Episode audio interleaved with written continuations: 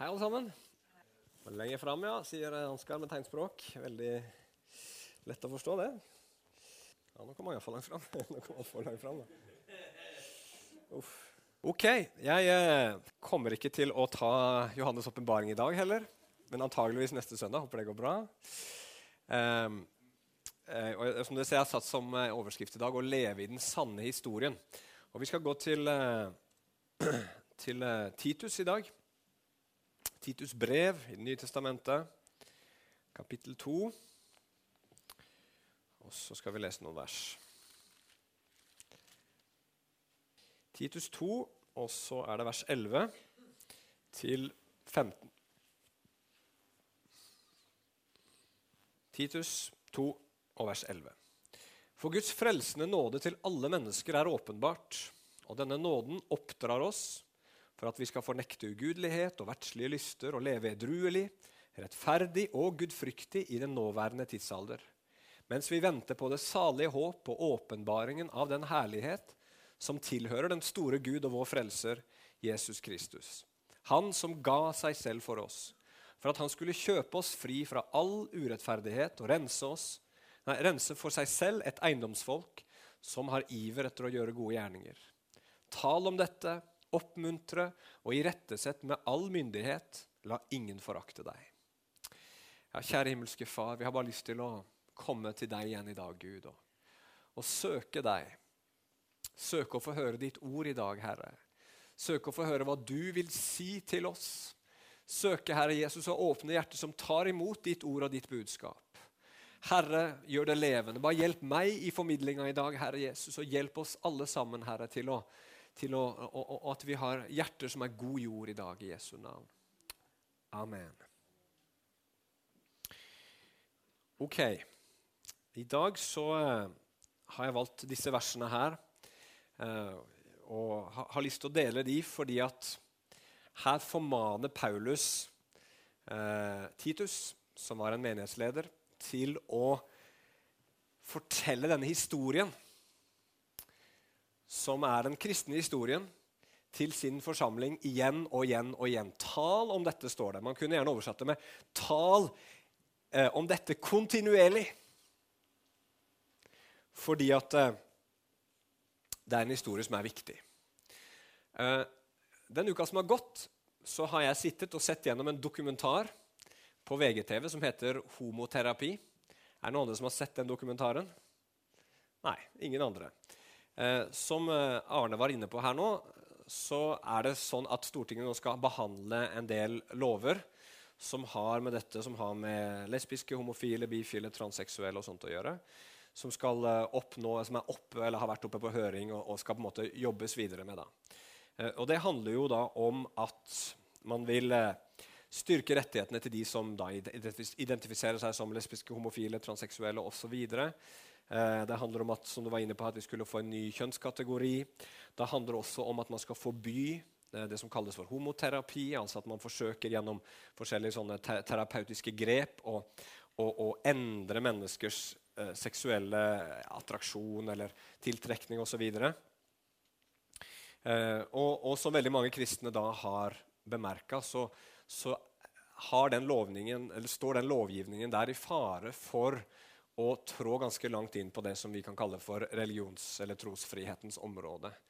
Som gjør at det å skulle tro noe annet enn flertallet i landet vårt om det som har med seksualitet å gjøre, kommer til å kanskje bli straffbart. Iallfall hvis du gjør noe, liksom noe, ut av det i praksis. da. Eh, og det, det, er jo litt bekymringsverdig, selvsagt, for oss som er kristne. Eh, og, men, men når, jeg denne, nå har jeg sett på denne, denne dokumentaren da, Eh, hvor vi møter mennesker som har, opplever at de har en, eh, spesielt en homofil eh, tiltrekning og identitet. Og jeg, jeg benekter ikke at de, at de, føler på det når jeg sier at de, de, de hevder det. Eh, eh, som har vært i kristne miljøer, hvor, hvor de har forsøkt liksom, å få endra på den tiltrekningen. Og blitt utsatt for mye forskjellig rart. Og Det var ikke bare kristne miljøer, det var også muslimske miljøer. Og det er en del spesielle ting som skjer der. Uh, og, og, en ting som gjorde veldig inntrykk på meg, det var en, en, en mann, sikkert på min alder, da, som på en måte hadde prøvd lenge en menighet og gått til en del sånne Skulle, skulle få hjelp til dette her. Da, og, så, og, så, og, så, sier han på et tidspunkt Hvor mye må jeg hate meg sjøl før det er nok? sier han. Og så blir det gråt og så tårer, og så kjenner man bare at uff, ja meg, ikke sant? Så fæle de kristne er som har utsatt denne stakkars mannen for dette. Eh, et annet tilfelle hvor det var en kvinne da, som hadde vært i en forteller de pinsemenighet. De kan ikke fortelle noe hvilken menighet det er. Vi får liksom ikke etterprøvd faktaene her, da, men, men, som da skulle bli eh, som, som, da ble påstått å ha en slags homofil demon som de skulle drive ned, ut av henne. Og fire menn holdt henne nede mens hun fikk panikk og begynte å, å liksom prøve å komme løs. og så skulle de drive ut denne onde ånden. Og dette var jo et overgrep, ikke sant? og det var trist å høre på og ikke godt. Så er vi kristne liksom litt ambivalente. Jeg er i hvert fall litt det. Altså, jeg skjønner jo disse menneskene her, når de, når de, når de opplever disse tingene, eh, at, at, det har vært vanskelig og krevende for dem. ikke sant? Vi, vi ser at noen har blitt såra. Noen, noen, opplever virkelig at de har måttet hate seg selv for å bli en god nok kristen. Og Hvordan i verden skal vi kristne svare på det her? Hvordan skal vi møte dette her? Hvordan skal vi gå dette her i møte? For dette her er ikke noe som, som går forbi eller går over av seg sjøl. Men det er noe vi må ta på alvor, noe vi må se og tenke på og finne ut av hvordan vi skal svare på. Og eh, mitt, mitt, svar i dag til det, som jeg tror er veldig aktuelt, det er det som jeg har eh, satt som overskrift, at vi må leve i den sanne historien. Og jeg har lyst til å snakke om tre ting i dag. For det første de historiene vi tror på, og hva de gjør. Altså de historiene mennesker tror på, og hva de gjør med oss. Nummer to det jeg har lyst til å prate litt om, er den sanne historien. Og til slutt si litt om, eller spørre spørsmålet lever vi i den sanne historien. Så Vi skal begynne med å snakke om de historiene vi mennesker tror på, og hva de gjør. For det er nemlig sånn at alle mennesker tror på en eller annen historie. Vi trenger sånne historier for at livene våre skal bli meningsfylte.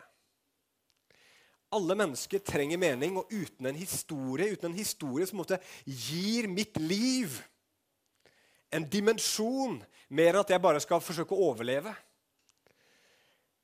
det må vi ha. Og En sånn type historie den har gjerne fire elementer. Eller tre hovedelementer. For det første så må vi svare på spørsmålet hva er det gode liv? Hva er det gode i livet? Hva er det jeg må ha for at mitt liv skal bli godt? Hva er det som det er verdt å søke etter og jage etter i dette livet? Og alle mennesker, om de er bevisste eller ikke, har en sånn dimensjon over livet sitt. De søker et eller annet som de tror er det gode de trenger. For det andre så må man svare på spørsmålet hva er det problemet i verden. Hvorfor er ikke mitt liv godt? Hvorfor er ikke mitt liv sånn som det skal? For ingen føler at livet deres er sånn som de skal. Alle vet at ting burde være annerledes. Og dermed er spørsmålet hva er problemet? Og det siste spørsmålet som mange mennesker da, eh, bevisst eller ubevisst stiller seg eller tenker på, det er hvor finnes det håp? Altså, Hvor i all verden er det at den situasjonen jeg er i, hvor ting ikke er sånn som de skal, men det finnes noe godt som jeg prøver å få tak i, hvor fins løsningen på å få bort det vonde og komme til det gode? Og veldig ofte da, i sånn, et sånt verdensbilde eller i en sånn historie, så bli, utvikler det seg en moral.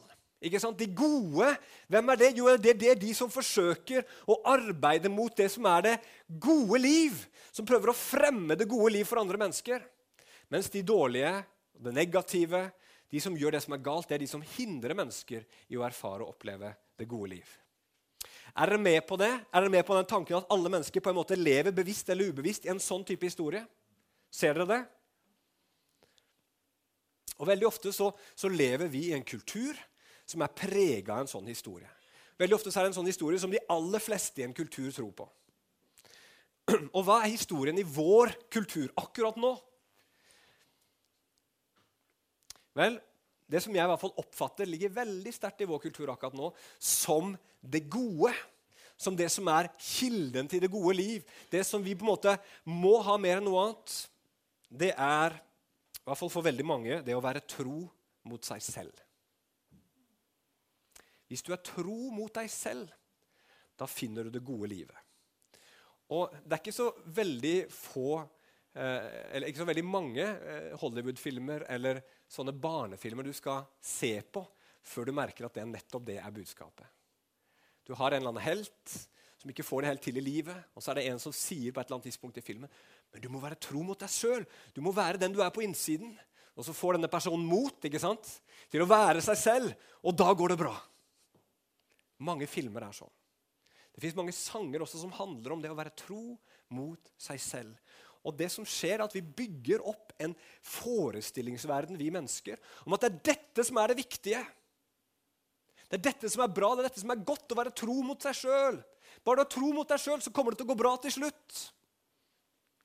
Er dere enige med meg i det? At det er en viktig del av vår kulturs historie? Og så er jo spørsmålet, Hva er det onde? da? Hva er problemet? Jo, det er så klart, det er jo de eller det som hindrer mennesker i å være seg selv. Å være tro imot seg selv. Det kan være samfunnsmessige strukturer, gamle konservative verdier som vi har arva. Det kan være religiøse strukturer. ikke sant? At du er i en religion, og så sier religionen nei, det er sånn man skal være. Og så føler du på innsiden at du skal være annerledes. Og da er jo religionen ikke sant, det onde som hindrer deg å få tak i det gode. Og så er jo håpet da at vi på en eller annen måte kan utfordre. Er dere med? Utfordre disse gamle verdiene, disse strukturene, disse menneskene som vil holde på det gamle, som hindrer mennesker i å være seg selv. Og så blir det en moral ut ifra det. ikke sant? De gode det er de som sier 'vær deg selv', og de onde det er de menneskene som står på sånne verdier og strukturer som da visstnok skal hindre mennesker i å være seg sjøl. Og så blir konsekvensen så klart av det at vi som mennesker vi, vi, vi, vi søker det vi tror er det gode liv. Og samfunnet søker det. Men eh, ut ifra et bibelperspektiv så bommer man på det gode liv. Hvis man setter ting fra denne verden i fokus for hva som er det gode liv. Det kommer aldri til å tilfredsstille. Det kommer aldri til å bli helt det du håper det skal bli. Bare prøv å være deg sjøl, du. Bare prøv å være så mye deg sjøl du bare klarer. Bare lev ut alt det du er på innsiden. Tror du du kommer til å bli lykkelig? Tror du at du endelig kommer til å finne fred? Nei, ingen av oss. Det blir ikke helt godt allikevel. Og det leder veldig ofte til mye sinne og frustrasjon, tror jeg, og kan også lede mennesker til ekstremisme. Hvis man på en måte jager etter det og er helt overbevist om at det er det gode, og så funker det ikke, og så er det en, en, en gruppe som sier nei, men dette her er ikke det gode, Åh! så angriper vi de istedenfor å stille oss spørsmålet kanskje ikke det jeg søker etter, faktisk er det gode jeg trenger. Men når jeg ser den dokumentaren her om homoterapi, så slår det meg at eh, veldig mange kristne som blir tilbudt muligheten til å komme og uttale seg i disse forskjellige situasjonene, de vil ikke stille til intervju. Og jeg skjønner veldig godt hvorfor. For at i den historien her Hvis du kommer som en kristen og sier nei, jeg tror homofili er synd, f.eks. Hva gjør du da i den historien her? Jo, da plasserer jo du deg perfekt i kategorien som the bad guy, som det heter på engelsk. Ikke sant? I denne historien så er du den slemme. Så det å stille seg fram offentlig i Norge og, og, si, og stå for dette her, er jo å si i den norske konteksten jeg er en dårlig person. Jeg er en person som hindrer mennesker i å være det de sjøl er. Og det er det ingen som har spesielt lyst til å utsette seg for. er det det? Nei. Men problemet er jo selvsagt det at det er ikke bare kristne ledere som står overfor den utfordringen akkurat nå. Det er oss alle sammen. Ikke sant? På arbeidsplassen så kommer disse spørsmålene opp. Skolesammenheng kommer disse spørsmålene opp. Og så skal du og jeg prøve å stå for en kristen seksualmoral. Og i den historien som hele dette samfunnet her er ramma inn i, så sier vi jo, uten at vi sier det, men alle hører det, at jeg er en dårlig person. Jeg er en person som vil hindre mennesker i å finne liv og glede og håp og mening. Og Det gjør, og det kommer til å gjøre framover at det kommer til å bli vanskeligere for oss kristne å stå for det vi tror på, for det kommer til å putte oss i den negative kategorien. Nå er ikke det her noe nytt. Jeg vet ikke om dere husker når Åpne dører var her for noen uker siden og fortalte om, om, eh, om hva som skjer rundt omkring i den forfulgte menighet. Der var det i én eh, sammenheng på en skole en rektor som liksom lovpriser de aller fleste elevene og sier dere er sånne elever som vi vil ha. Dere følger den troen og den tradisjonen som vårt land er bygd på. Dette er kjempebra. Og Så tar han fram en kristen så sier han denne personen her, det er sånn du ikke skal være. For dette her er de som underbygger og undergraver vår kultur, vår nasjon, vår identitet. Så ikke vær som han. Tenk den stakkars gutten, da. Står der og blir hengt ut så til de grader som den onde, som den negative. Det er bare utrolig at de klarer å stå oppi det. Og det her kommer vi også til å møte mer og mer framover. Vi kommer til å bli identifisert hele veien med dette her. Og det som kommer til å skje, er at en del kristne kommer til å bli liberalisert og si ja, men ok, vi forandrer mening, for vi ønsker ikke å, å gå imot den rådende historien som er i samfunnet vårt. Vi vil spille på lag med dere. Noen kommer til å falle ifra. Hva er løsningen? Hva må vi gjøre med dette her som kristne? Jeg tenker at To ting vi må gjøre. Det første er at vi må våge å tørre å ikke bare liksom gå inn på, eller, på enkeltspørsmål. Altså, Er homofili rett eller galt? Men vi må våge også kritisere hele historien som vi ble presentert for. F.eks. det her at det å være seg selv er så bra. Hvis du tenker godt over det, er det egentlig alltid så veldig bra å være seg sjøl? Det er jo mye rart inni meg, i hvert fall. vet ikke hvordan det med deg. Og tenk da, La oss si at vi har en person. da. La oss sammenligne to personer. En person som lever nå, og en person som levde for ca. 1000 år siden. Disse to personene kjenner helt likt på innsiden. De har to veldig spesielle følelser eller lengsler.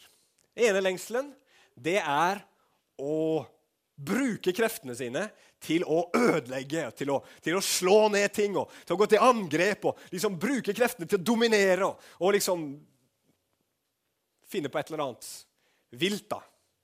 Slå ned og banke og, og, og, slåss og krige. Den andre følelsen de føler på, det er at de er også tiltrukket av det samme kjønn. For 1000 år siden Hvis et menneske sa 'jeg vil være meg sjøl' i vikingtiden i Norge, hva tror du de ville oppmuntra da? Hva ville sagt, Hvilken side er det du bør framelske i deg da? Er det den der krigerske siden, eller er det den homoseksuelle siden. For 1000 år siden så ville vi jo sagt, eller ville jo vikingene sagt ja, ja, du vil slå og banke og, og, og liksom knuse og, og, Ja, kjempebra! Bli med oss på vikingtokt! Dette blir kjempebra. Dette er en kjempegod impuls. Mens den andre det ville man kanskje ikke vært så veldig, veldig begeistra for. Mens i vår tid, hvis man sier at man vil slåss og ødelegge og drive krig, og sånn, så nei, nei, nei, nei, det er ikke bra. Det må du ikke holde på med. Mens den andre impulsen, å leve ut sin homoseksualitet, det heier man på. Og når mennesker sier 'jeg ønsker å være meg selv', så er det veldig, veldig ofte det som kulturen allerede bekrefter, og som kulturen sier er bra. Det er det det handler om egentlig. Det handler ikke så veldig mye om å være seg sjøl, men det handler om å være det som kulturen forteller oss er bra. Så må vi tørre å kritisere disse historiene og si men hvordan vet du at den historien er sann? Hvordan vet du at det beste livet er å være seg selv? Hva slags beviser har du for det? Hva slags grunnlag kan du si det på? Kan du finne et menneske som, som faktisk kom dit hvor de fant fred? Fullstendig fred ved å være seg selv. Fortell meg om de, vis meg de. Fortell meg hvorfor dette her er godt for et helt samfunn, at vi alle sammen går rundt og er oss selv. Vi må tørre å stille sånne type spørsmål, og det gjør vi altfor lite i dagens samfunn.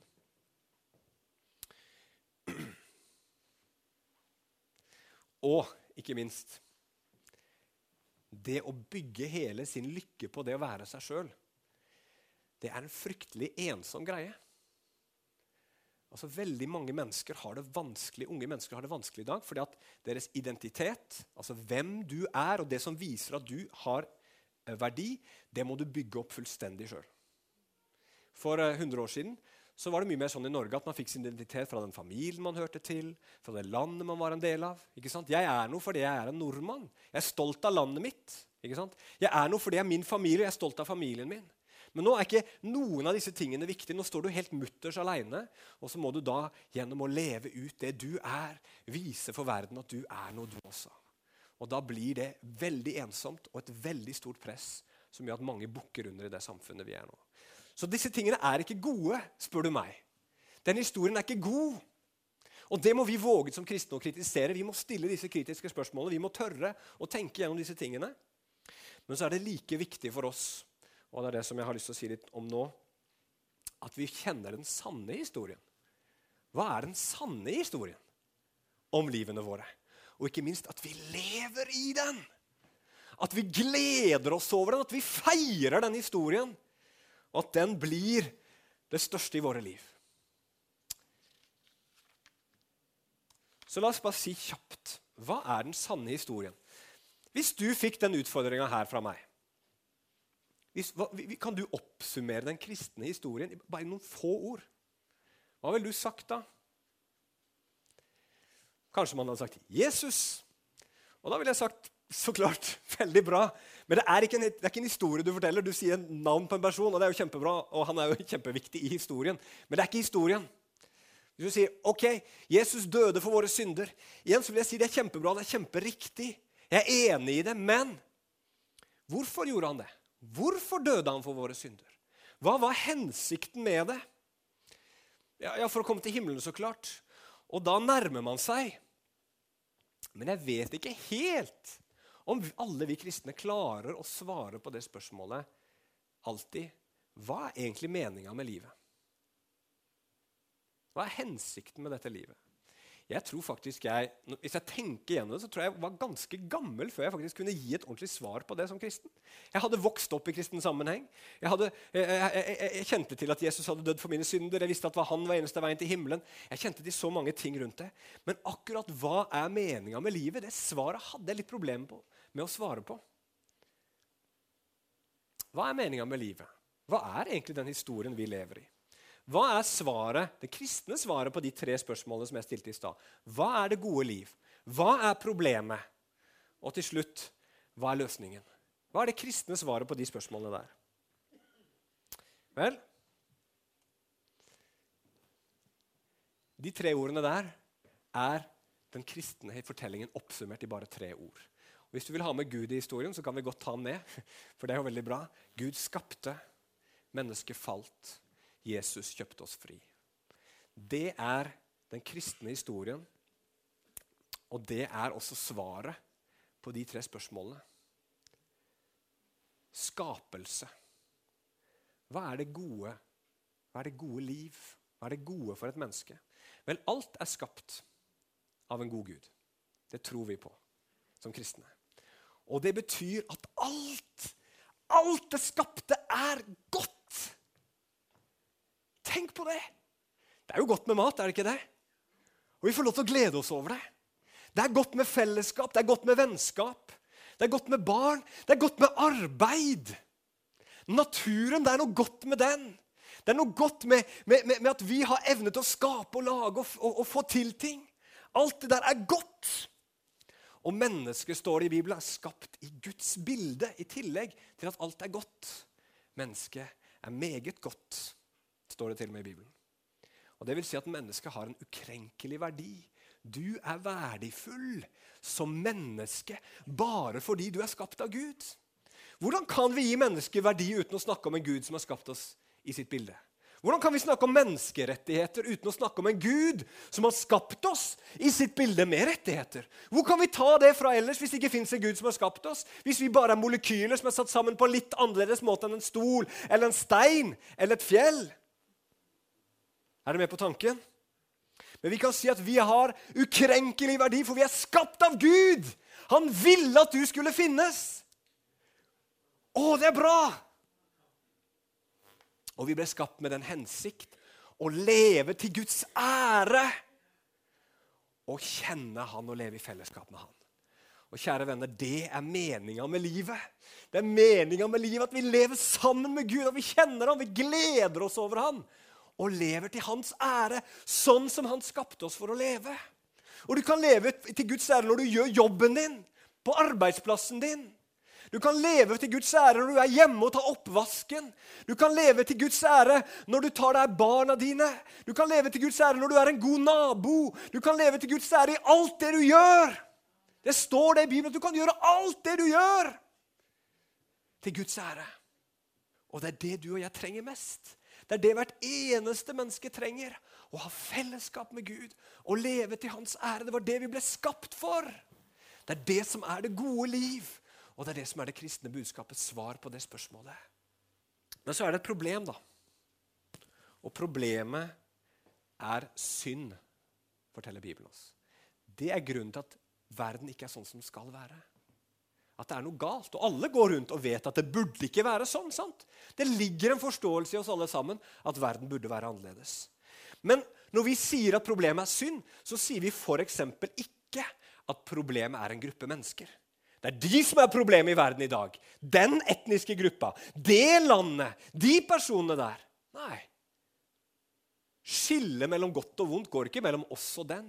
Det går midt i hjertet til hvert eneste menneske, var det en klok mann som sa en gang. Det vil si at Vi kan ikke si at, at problemet er kommunisme i verden i dag, og løsningen er kapitalisme. Nei. Problemet er ikke strukturen i samfunnet. Det er ikke det at, vi, at, at, det, at, det, er politikerne som er problemet, at det finnes sånne ledere, og de som skaper problemet. Nei! Det er ikke de som er de onde, og vi som er de gode. Det går gjennom hvert eneste menneskes hjerte, skillet mellom godt og ondt. Vi kan heller ikke si at det er en del av mennesket som er problemet. Sånn som noen kristne som sier at vi må ikke, vi må ikke slippe til følelsene. Følelsene leder oss vill. Følelsene er et problem. Jeg vet ikke om du har møtt sånne kristne noen ganger. Men vet du hva Bibelen sier? Alle at det er noe galt med følelser. Følelser er kjempebra. De kan lede oss feil, så klart, men det er ikke pga. følelsen, det er fordi vi er syndere. Eller intellektet, på samme måte som jeg snakka litt om sist gang. Det er ikke noe galt å tenke, det er ikke noe galt å være intelligent, det er ikke noe galt å bruke hjernen sin. Da hadde jo ikke Gud skapt han, sant? Men intellektet kan gå feil. Og Det kan tenke feilaktige tanker, men det er pga. synden. Det er heller ikke sånn at det gode det er det åndelige, og det dårlige er det fysiske. Nei, alt er skapt av Gud, og det er godt. Og det fins dårlige ting både i det åndelige og det fysiske som finner sted. Er dere med? Så Synd er dypest sett i Bibelen ikke bare handlinger vi gjør som mennesker. Det er det også. Men det er dypest sett at hvert enkelt menneske har satt seg selv i sentrum for universet og plassert Gud på sidelinja. Det er kjerneproblemet vårt som mennesker. Og Det er mye interessant å si om det, men det skal ikke jeg gjøre nå. Men det betyr som Bibelen sier, at syndens lønn er døden. At alle mennesker har satt Gud på sidelinjen. Vi har forkasta livets kilde, og derfor er vi døde. Og om du lever nå i den tilstanden, eller om du dør i den tilstanden hvor du har satt Gud på sidelinjen og forkasta livets kilde, så er du fortapt. Og Det er fortapelsen i bibelsk forstand, å være adskilt fra Guds herlighet til evig tid. Men så er det det siste punktet, nemlig frikjøpelse. Hvor er håpet i en verden som er god, men samtidig er gjennomsyra et eller annet negativt som gjør at det, vi gjør så mye gale ting, og som gjør at det blir så mye mørke? Jo, det er i Gud og det er i hans sønn Jesus. Det er der håpet fins. Det er der løsninga er. Det er bare Jesus som er løsninga. Og Vi leste det så fint i eh, Titus brev, f.eks. vers 11. For Guds frelsende nåde til alle mennesker er åpenbart, står det. Gud har åpenbart sin frelsende nåde for deg. Og i vers 14 om Jesus, han som ga seg selv for oss, for at han skulle kjøpe oss fri. Frikjøpelsen.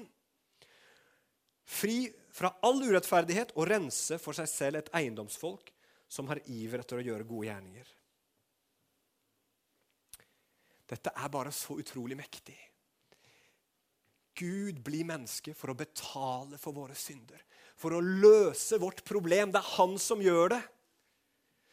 Og han gjør det på en måte som, som, som vi aldri må slutte med å, å bli bare forundra og begeistra over at han tar hele straffen og konsekvensen på seg. Tenk på det! Gud sitter i himmelen høyt opphøyd og, og, og verdig og hellig.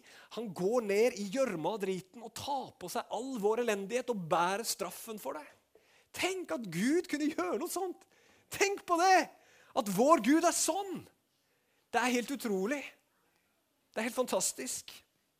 Og det tror jeg er nådestøtet som vi trenger. Dere vet hva et nådestøt er? Vi trenger et sånn nådestøt fra Gud. For, for, for, det første, det tar livet av vår stolthet. Så at Gud sier du klarer det ikke sjøl. Du kan ikke frelse deg sjøl. Han sier til hele verden dere får det ikke til. Bare prøv så mye dere vil på alle mulige måter. Det går ikke. Dere må ha min hjelp. Det er bare jeg som kan frelse dere. Vi blir bare fullstendig ydmyka i alle våre forsøk på å frelse oss sjøl. Det er bare Gud som kan gjøre det. Det er bare Gud som gjør det. Og det er også nådestøtet til vår godhet i hermetegn. Vi tror vi er gode. Vi er de gode, og så finner vi en annen gruppe som er de onde. Men tenk på Gud, da. Som blir menneske. Og som tar på seg konsekvensen av alt det vi har gjort. Når det var vi som forkasta han. Når det var vi som på en måte ville ta hans plass og gjorde opprør. og Alt dette her, og så ofrer han seg for oss i vårt sted fordi han elsker oss.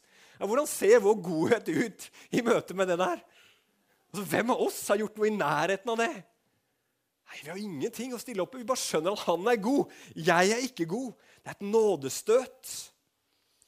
Gud gjennom frelsen bare setter seg på en så fantastisk vidunderlig måte igjen i sentrum for alle ting. Og sier gjennom frelsen det er jeg som er mektig. Det er bare jeg som kan frelse. Han setter seg i sentrum for alle ting og sier det er jeg som er god. Det er bare jeg. Og så kan vi gjøre én av to ting, vi som mennesker. da. Enten så, så bare må vi bare forkaste det og fortsette å stole på vår egen makt og kraft. Stole på vår egen godhet. Og si nei, nei, nei det vil jeg ikke tro på. Jeg, jeg, jeg skal klare dette livet sjøl. Jeg skal finne det gode livet selv. Jeg er god. Eller så må vi nødt til å bøye oss ned og tilbe. Vi er nødt til å bøye oss ned og si til Jesus Jeg har bare deg. Det er ikke noe annet i livet mitt. Jeg har ingenting annet å stille opp med. Du er den beste. Og jeg bøyer meg ned og tar imot alt det du vil gi. Det er frelse. Og der finner vi livet. Gjennom det så kommer vi tilbake til Gud. Og så blir vi kjent med Han igjen. Og så får vi leve til Hans herlighet.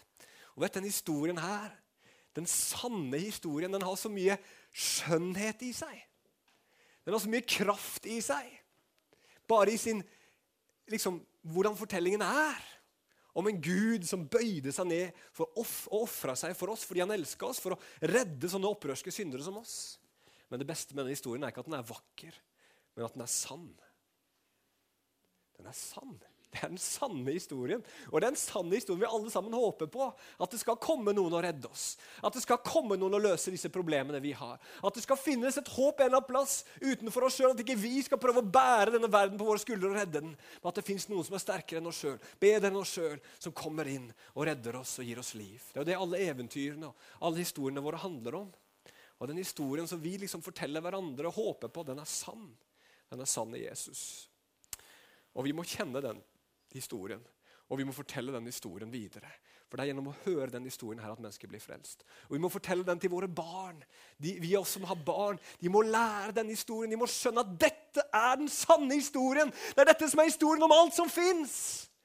Det er her vi hører hjemme, i denne historien. Alle de andre historiene er falske, de er dårlige, de fungerer ikke. Men denne historien er vakker og god og sann, og den fungerer. Tenk på det! Å, Jesus! Må vi se det? Så tror jeg det er veldig lurt å vise, fortelle barn, snakke om alle de andre historiene som de blir presentert for. Min, min, min datter gikk rundt og nynna på sangen 'Du må være deg selv'. Så sa jeg ja, det Bård, jeg tror det er en god idé å være seg sjøl alltid? Nei, det var kanskje ikke det. Ikke sant? Noen ganger så må vi bare snakke om det de hører. Vi må avsløre disse andre historiene og hjelpe til å forstå at dette er den gode historien. Det er den sanne historien, det er den historien vi trenger. Ok. Oi, oi, oi, nå har jeg snakka altfor lenge. Ja. La meg bare si til slutt Så kommer jeg sikkert til å bruke fem minutter på å lande.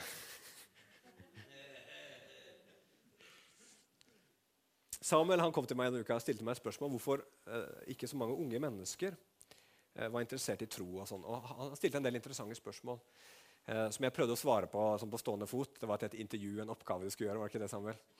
Jo. Så tenkte, jeg, okay, så tenkte jeg på det etterpå. Hva i all verden er det som gjør at så veldig mange unge mennesker i dag føler at kristen tro er irrelevant? At den ikke har noe med deres liv å gjøre? Så kom jeg fram til noe som jeg tror er litt ransakende for oss alle sammen. Det er at vi nok har, vi kristne på mange måter har trodd og fortalt denne historien og kjent til den godt, til og med. Men har vi egentlig levd i den? Har vi levd sånn, vi kristne, i dette landet her, når rikdommen kom til Norge og mulighetene åpna seg? Du kunne løpe etter hva som helst ikke sant? og prøve å finne det gode livet i det. Er det sånn at vi kristne da har hoppa på de historiene som alle andre har levd i de siste 30-40-50 årene. Hvor det er materialisme. Eie ting, fine ting, bedre ting. Jage etter det. Samle på ting. At det er der livet ligger. Har vi trodd på andre typer historier om den store kjærligheten? At det er liksom det å bare finne noen, den perfekte, og dele livet vårt med? Og så bytter vi ut partner når det ikke blir så veldig veldig liksom, kjekt å være det ekteskapet. Er det familie? Er det karriere? Er det politikk? Er det det å være respektabel? Er det det å liksom bare ha helse og helbredelse?